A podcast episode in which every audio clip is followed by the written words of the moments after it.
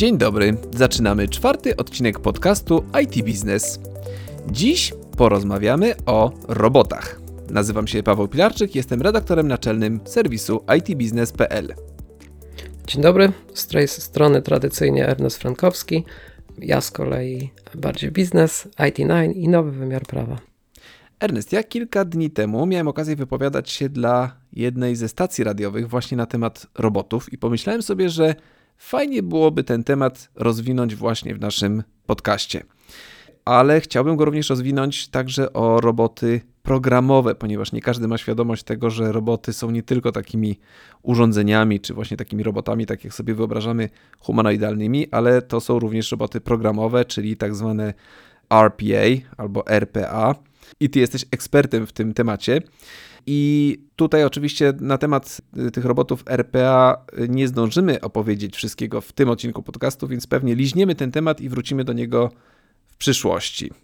No ja myślę, że w ogóle jeśli chodzi o roboty i robotyzację, to, to jest temat, kolejny temat rzeka. Myślę, że dobrze jest podejść do tego tematu w ten sposób, że to jest trochę wstęp do tego zagadnienia.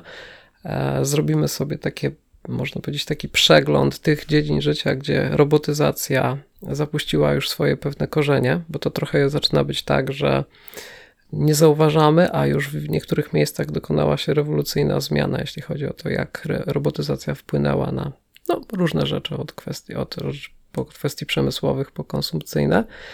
E, no i tak jak słusznie powiedziałeś, roboty to już tylko nie tak analogowa wizja z jakiegoś retrofuturyzmu w stylu Lema i Dicka, czyli jakieś analogowe maszyny albo nawet androidy, ale to także robotyzacja niematerialna, abstrakcyjna właśnie w postaci software'u, czym właśnie są te wspomniane przez ciebie RPA, oczywiście nie mylić e, z pewnym krajem w Afryce. Może zacznijmy od tych robotów właśnie sprzętowych ja bym chciał powiedzieć o kilku takich ciekawych przykładach użycia takich robotów y, w kilku różnych y, dziedzinach.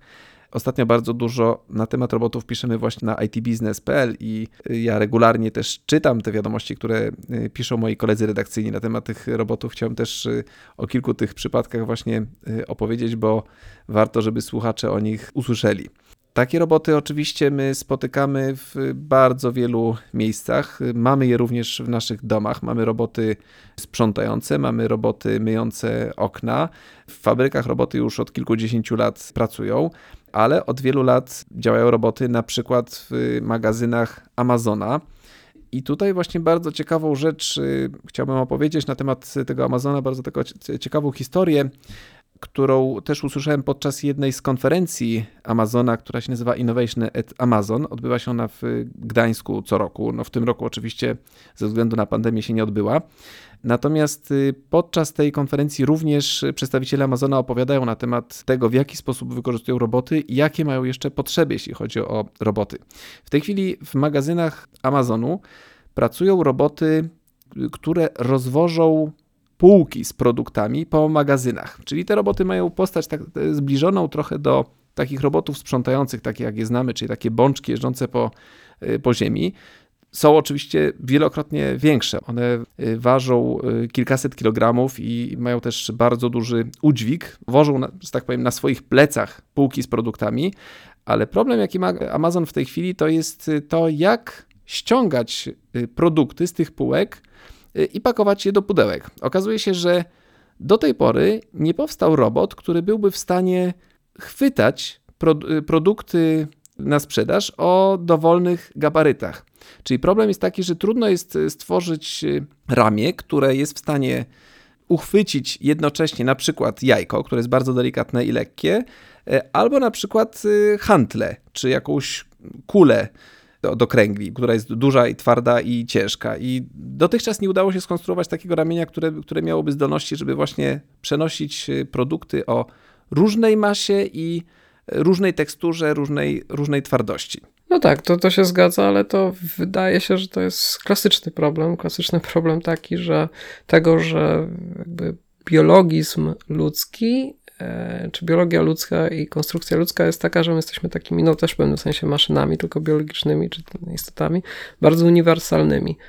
E, no i tą złożoność trudno, e, trudno odzwierciedlić w jakimkolwiek robocie, czy to software'owym, czy hardware'owym, czy tam bardziej teraz to są połączenia w różnym stopniu pomieszania tych, czy zmieszania tych dwóch e, elementów. I to, co ty opowiadasz, to jest klasyczny problem e, poradzenia sobie z wyzwaniem takim inżynieryjno-software'owym w postaci koordynacji oka i ręki. No bo tutaj problemem nie jest to, żeby ten robot tam potrafił delikatniej albo mniej delikatnie, czyli w zależności czy podnosi, nie wiem, jakąś tam żelazną e, nóżkę od jakiegoś mebla, e, a z drugiej strony może być może trzeba jajka poprzenosić z czegoś do innego opakowania. No problemem jest to, żeby ocenić, ocenić, że to jest jajko, a to jest kawał e, jakiejś stali, w związku z tym tak naprawdę brakuje oka, a z tym akurat nie jest problem, bo już e, sprzęty do rozrywki takie oczy mają w postaci chociażby wszelkiego rodzaju sensorów. O, te ulubione przez ciebie e, wszelkie maszyny odkurzająco, koszące, no to przecież, prawda, widzą i mapują nawet rzeczywistość, nawet czasem w 3D. Mhm. Ale no jeszcze za tym wszystkim jest to, żeby ocenić, że to jest twardy metal, a z drugiej strony jest coś delikatnego, tak jak jajko, a tu już potrzeba mózgu, i nawet tu mózg nie wystarczy, bo nawet jeżeli podłączymy do tego superkomputer, to co z tego? Potrzeby jest jeszcze coś, co ma człowiek, a mianowicie doświadczenie i e, pamięć. Człowiek po prostu wie, że to jest jajko, a to jest metal, i w związku z tym odpowiedni będzie nacisk, e, jak zmusić, żeby takie ramię wiedziało, że to jest e, jajko, albo żeby to w jakiś sposób policzyło. No to, to jest największe wyzwanie, czyli jakby my próbujemy tworzyć, tworząc roboty, małpować, można powiedzieć, no jakby uzurpujemy sobie w pozytywnym sensie um, jakby kompetencje twórcy i no znowu tworzymy coś na swoje podobieństwo. No problem polega na tym, żeby stworzyć tak uniwersalny mechanizm jak ludzkie ciało, czy nawet ciało jakiegoś zwierzęcia wraz, wraz z umiejętnościami e, percepcyjnymi, no to tutaj no, technika niestety nam na to nie pozwala. Jeszcze chwila nam nie będzie pozwalała, ale to, w czym już jesteśmy świetni, to wszelkiego rodzaju roboty e, wyspecjalizowane. Trzeba po prostu znaleźć wystarczająco wąski wycinek rzeczywistości, żeby ten robot, dany robot tam pasował. I w takiej sytuacji każdy robot w wąsko wyspecjalizowanej czynności będzie zawsze bardziej precyzyjny niż e, człowiek, no chociażby e, jeśli chodzi o precyzję powtarzalnych przesunięć jakiegoś ramienia, żeby coś tam, nie wiem, dokręcić czy E, czy połączyć. Ale tutaj ciekawa, ciekawa jest z kolei sytuacja a propos właśnie takich robotów wyspecjalizowanych. Kolejny przykład, gdzie akurat robot się nie sprawdził, to są sklepy Walmart. Walmart, czyli właściciel 600 supermarketów, jedna z największych sieci sprzedaży detalicznej na, na świecie. Jeżeli nie największa. Jeżeli nie największa, tak. I tenże Walmart regularnie eksperymentuje z robotami i trzy lata temu, w 2017 roku, Walmart wprowadził y, do swoich supermarketów roboty, które się nazywają Bossa Nowa. To są roboty, które przemieszczają się samodzielnie alejkami sklepowymi, jeżdżą między tymi alejkami sklepowymi. Y, wyposażone są w szereg różnych sensorów i y, kamer i one skanują produkty na półkach sklepowych. Czy te produkty się tam znajdują, czy znajdują się w odpowiednich miejscach. Jeżeli na półce sklepowej e, brakuje jakichś produktów, wówczas e, Bossanowa e, generują raporty do, do kierowników sklepów, że trzeba, trzeba uzupełnić stany magazynowe na, na tych półkach. Y, roboty Bossanowa mają 1,80 m wysokości, więc są duże, jeżdżą samodzielnie po sklepach i okazało się, że po trzech latach eksperymentów Walmart zdecydował się, żeby jednak zrezygnować z tych robotów i powody podali dwa. Jeden powód jest taki, że i tak ta robota musiała być wykonywana podwójnie, czyli robot jeździł między alejkami sklepowymi, skanował produkty, e, a potem ludzie musieli te produkty na półkach uzupełniać, albo na przykład roboty wykrywały, że produkty leżały nie, na tych, nie w tych miejscach, gdzie powinny, czyli tam, gdzie, gdzie na półce było napisane dżemy, to tam leżał nagle ketchup, więc y, roboty Bossanowa też to wykrywały, ale potem i tak musiał człowiek przyjść i wymienić te produkty na, na półkach, więc ta praca i tak była wykonywana. A drugi powód był taki, że te roboty straszyły ludzi, czy, żeby jeszcze, czy, czy klientów w sklepie. Klienci nie byli przyzwyczajeni do tego, że idą sobie alejką i nagle za zakrętu wyjeżdża wielki, prawie dwumetrowy robot i jedzie w ich stronę. To, co prawda nie ma ramion, ale, ale jednak wygląda trochę skary. Więc ludzie się po prostu bali takich, takich robotów. Czyli te roboty nie zawsze się sprawdzają, nie we wszystkich sytuacjach. No, ale wiesz co, to wszystko, to wszystko brzmi podejrzanie i trochę, trochę zresztą rozmawialiśmy o tej sytuacji. E, ja myślę, że kwestia tego, że ludzie byli tym przestraszeni, to, to był pretekst. E, dlatego, że jak sam powiedziałeś, e, te roboty i tak musiały być w pewnym sposobie, ich praca musiała być uzupełniana przez, przez ludzi.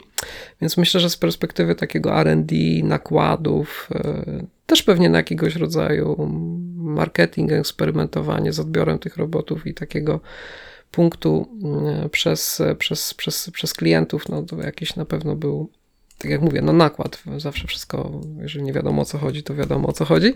E, ale tak naprawdę, i teraz y, jak ktoś tworzy taką placówkę, która eksperymentuje z jakąś technologią, ma tego, tego z placówką komercyjną, to ja myślę, że po pierwsze i tam pójdą i tak ludzie, którzy wiedzą, czego się spodziewać. E, pewnie jest jakaś zawsze przy wejściu kampania informacyjna, gdzie ktoś tłumaczy, że to nie Skynet i generalnie mm, i nic strasznego, no ale też tam często pójdą ludzie, którzy właśnie chcą to zobaczyć trochę jak do jakiegoś parku rozrywki, czy żeby popatrzeć na, e, że tak powiem, skraj jutra, taki film i, i, i zobaczyć, jak może ta przyszłość się e, w takim, takim w sumie dość prozaicznym, sklepowym miejscu nam rysuje. No ale ja myślę, że koniec końców, więc to myślę, że było do pewnego stopnia pretekstem, bo z tym można sobie łatwo poradzić i też jakby myślę, że dosyć nietypowi w pewnym pozytywnym sensie klienci tam trafiali, e, którzy wiedzieli czego się spodziewać. Pewnie to jest ta druga kwestia, czy pierwsza, o której wspomniałeś, że e, ta praca i tak taka nie była w pełni e, autonomiczna, tak, tam jakby to uzupełnienie pracą ludzką było konieczne. Ja myślę, że tam był też pewien błędny koncept, bo jak o tym o mi opowiadałeś, mnie zastanowiło, jedno, no są takie półki, generalnie mamy dużo urządzeń, które można spiąć z siecią, z różnymi systemami.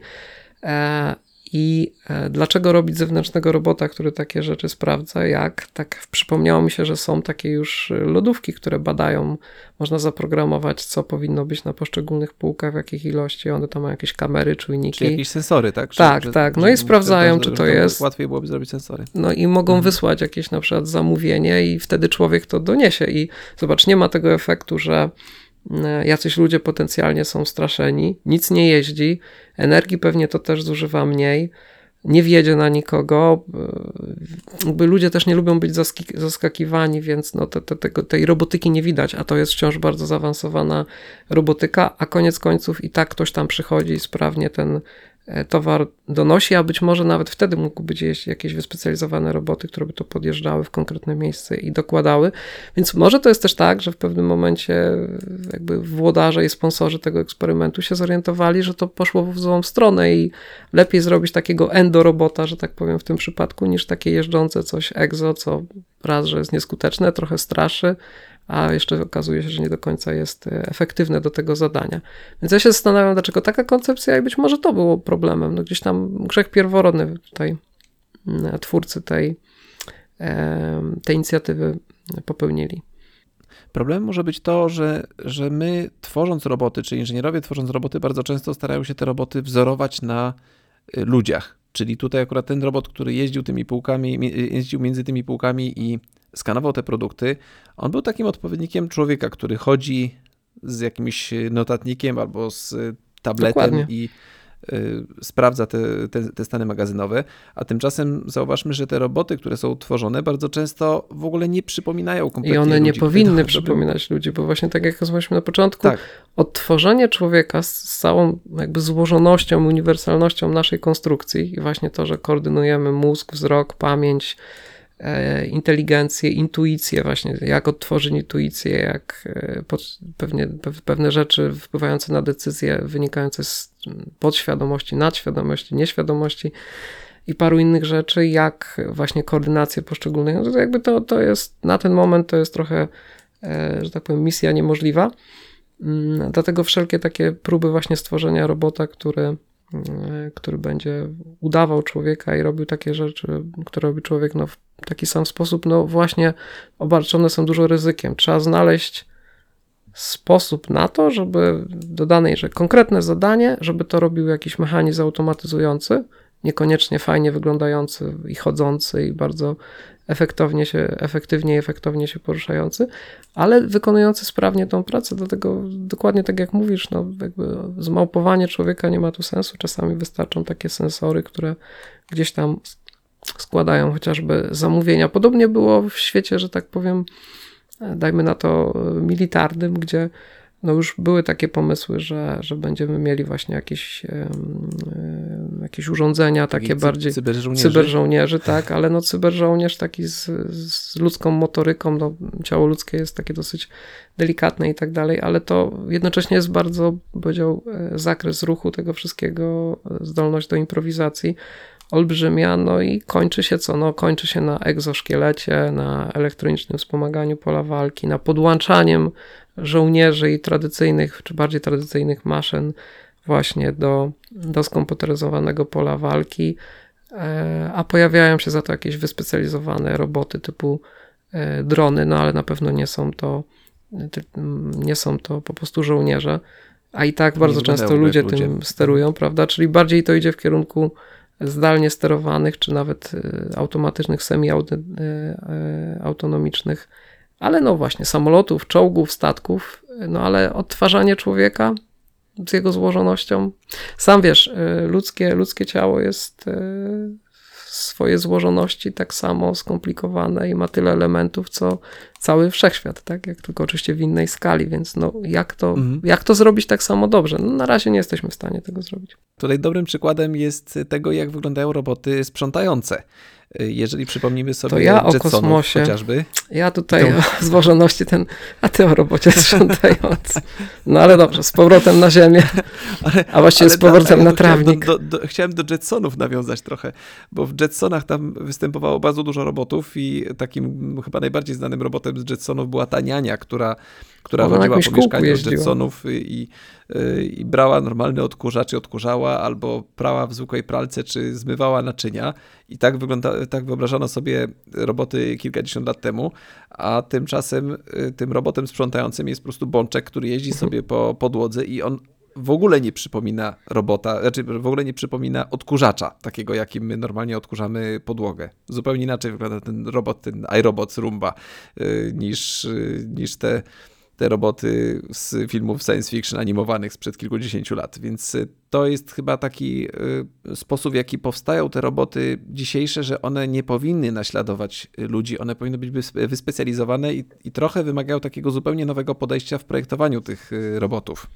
No tak, no jakby twórcy takich chyba jak Jetsonowie, no to im nie przyszło do głowy, że odkurzacz może wyglądać inaczej Aż to rozwiązanie na funkcję odkurzacza, jest w ogóle, w ogóle no, mogę sobie wymyślić jeszcze kilka innych bardzo takich, no ale o wiele lepiej to wygląda, wyglądało, jak widzi się robota czy androida, który bierze tradycyjny odkurzacz i prawda, jakby zobacz jakie to jest podejście, że próbujemy robotyzować jakiś, jakąś sferę życia, niech tu będzie, że to odkurzanie i na początku zawsze zaczynamy od tego i musimy tutaj ponieść porażkę, że próbujemy odtworzyć tą czynność tak, jak my robimy, czyli po prostu lepiej stworzyć sztucznego człowieka, który będzie się tak samo mhm. ruszał, mhm. mówił tak i tak dalej, głosem będziemy mu wydawać polecenia i on będzie odkurzał tym takim sprzed kilkuset lat niezmieniającym się odkurzaczem, niż po prostu wymyśleć, od, wymyślić odkurzacz na nowo. To, to, jest, to jest niesamowite, ale to prowadzi do mm, kolejnego paradoksu, który polega na tym, że jak weźmiesz przejrzysz każdą czy większość literatury futurystycznej czy science fiction, to jak już tam były, są snute takie narracje, opowieści o tym, że człowiekowi udało się stworzyć, stworzyć sztuczną inteligencję, ale zamkniętą, czy nawet nie sztuczną, ale z, o zdolnościach kognitywnych e, maszynę, która jest w stanie wyglądać, zachowywać się, no tak też tam płynnie się poruszać jak człowiek, to jest zawsze oczekiwanie tego, tego właśnie wymyślonego społeczeństwa, żeby taki android, no bo to już nie robot, tylko android, różnił się od ludzi. To znaczy, wymyśl, w tych książkach czy w tych opowieściach zawsze jest idealny android, idealnie odtwarzający człowieka, no w jakiś tam, że, że nie, nie, można go odróżnić od, po prostu tak na ulicy jakby spotkał.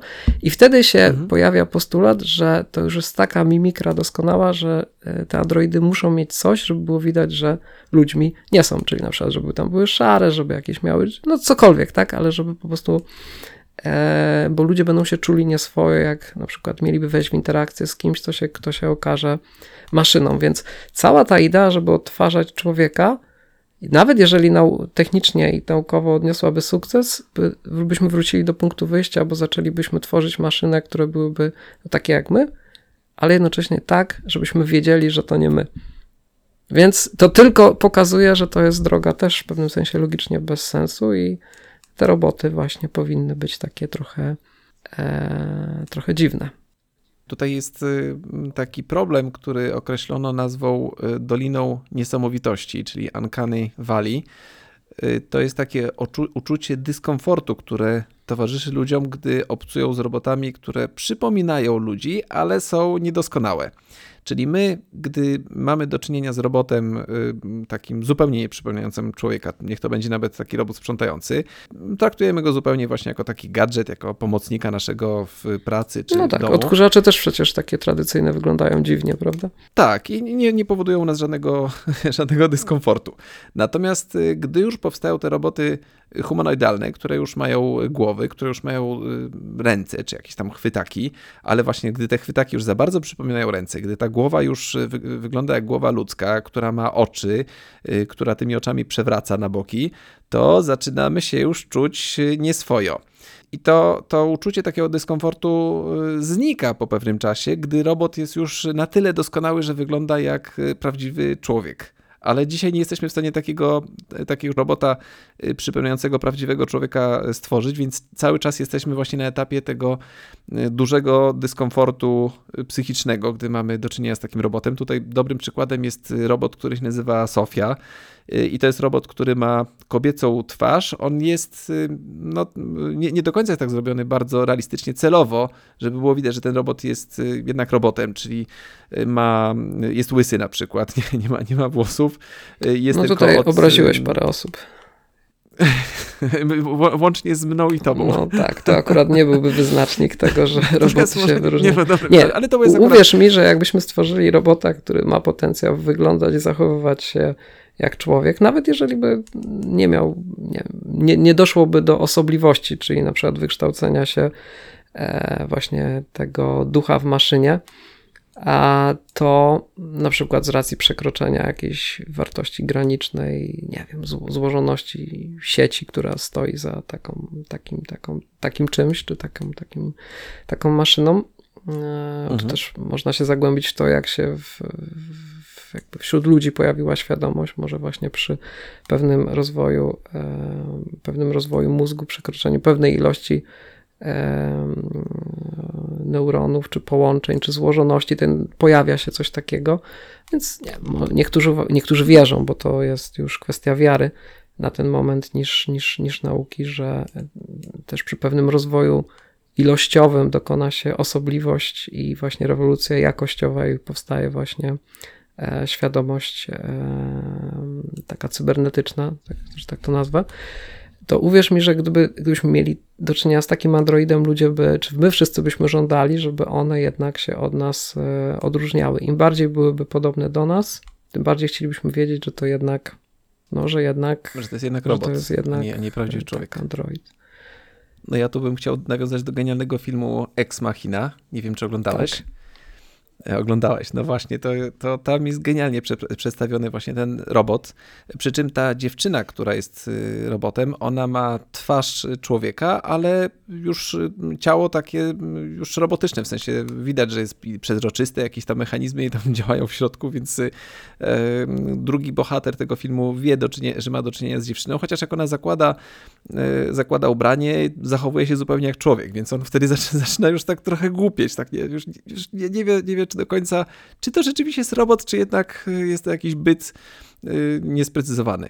Więc, y, więc to, to jest coś, co, co pewnie nas w przyszłości jakieś czeka niedalekiej, gdy te roboty będą coraz bardziej podobne do, do ludzi.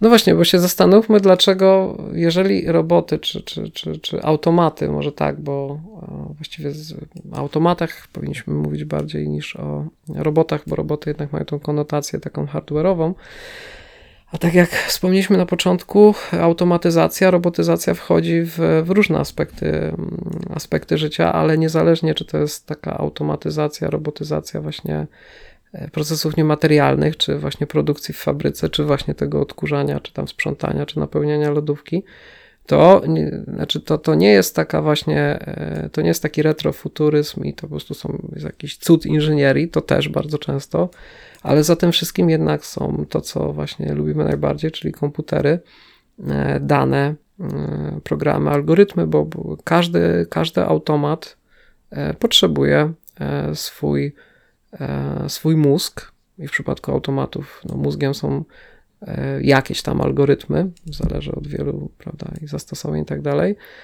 E, każdy automat potrzebuje swoją pamięć, no i to są dane, jakieś use cases. W przypadku złożonych automatów, no to oczywiście jakieś podłączenie do big data. No nawet e, roboty właśnie odkurzające, przecież przez nasze telefony komórkowe de facto są podłączone do całego ekosystemu.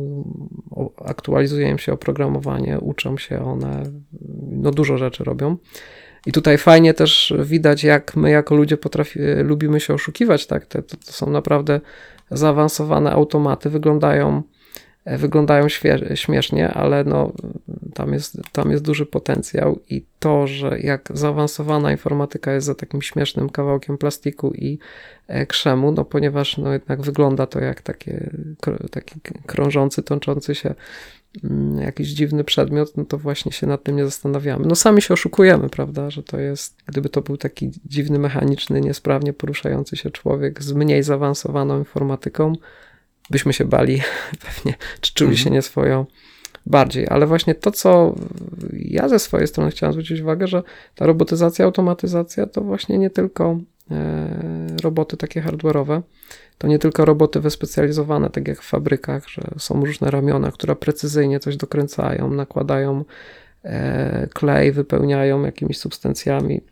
jakieś kawałki urządzeń, sprawdzają jakość, dokręcają coś, przesuwają, montują, czyszczą, prawda? No to jakby to jest wyspecjalizowane bardzo czynności, ale to właśnie są też algorytmy, które automatyzują to, co robią nasze komputery. O, komputery są takimi maszynami ogólnego przeznaczenia, gdzie tam klikamy, piszemy, programujemy je, ale właśnie takie podstawowe, powtarzalne czynności na tych komputerach właśnie mogą robić też e, roboty software'owe e, i używać naszych komputerów właśnie wyręczają nas w wykonywaniu na nich i w, na, na, systemach, które na tych komputerach są, no pewnych powtarzalnych i mniej kreatywnych czynności. To też jest automatyzacja, też jest robotyzacja. Też czasem śmiesznie wygląda, bo nagle na ekranie wszystko zaczyna skakać samo, bo komputer się, czy, czy, czy robot software'owy się nauczył, jak my klikamy po jakimś systemie i po prostu co, co godzinę się włącza i taką cykliczną pamięć, yy, czynność po prostu wykonuje.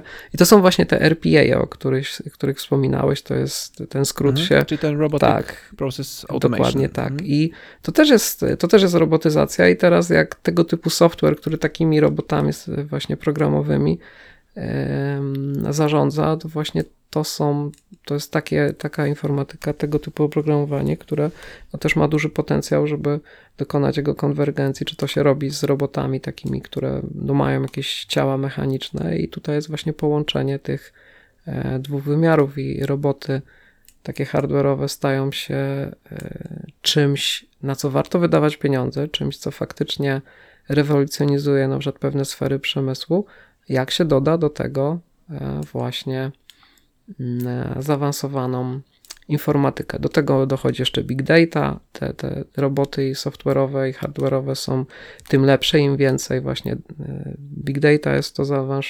zaangażowane, im więcej AI w tym jest, czyli tak naprawdę um, uczenia maszynowego, a kiedyś to się nazywało sieciami neuronowymi.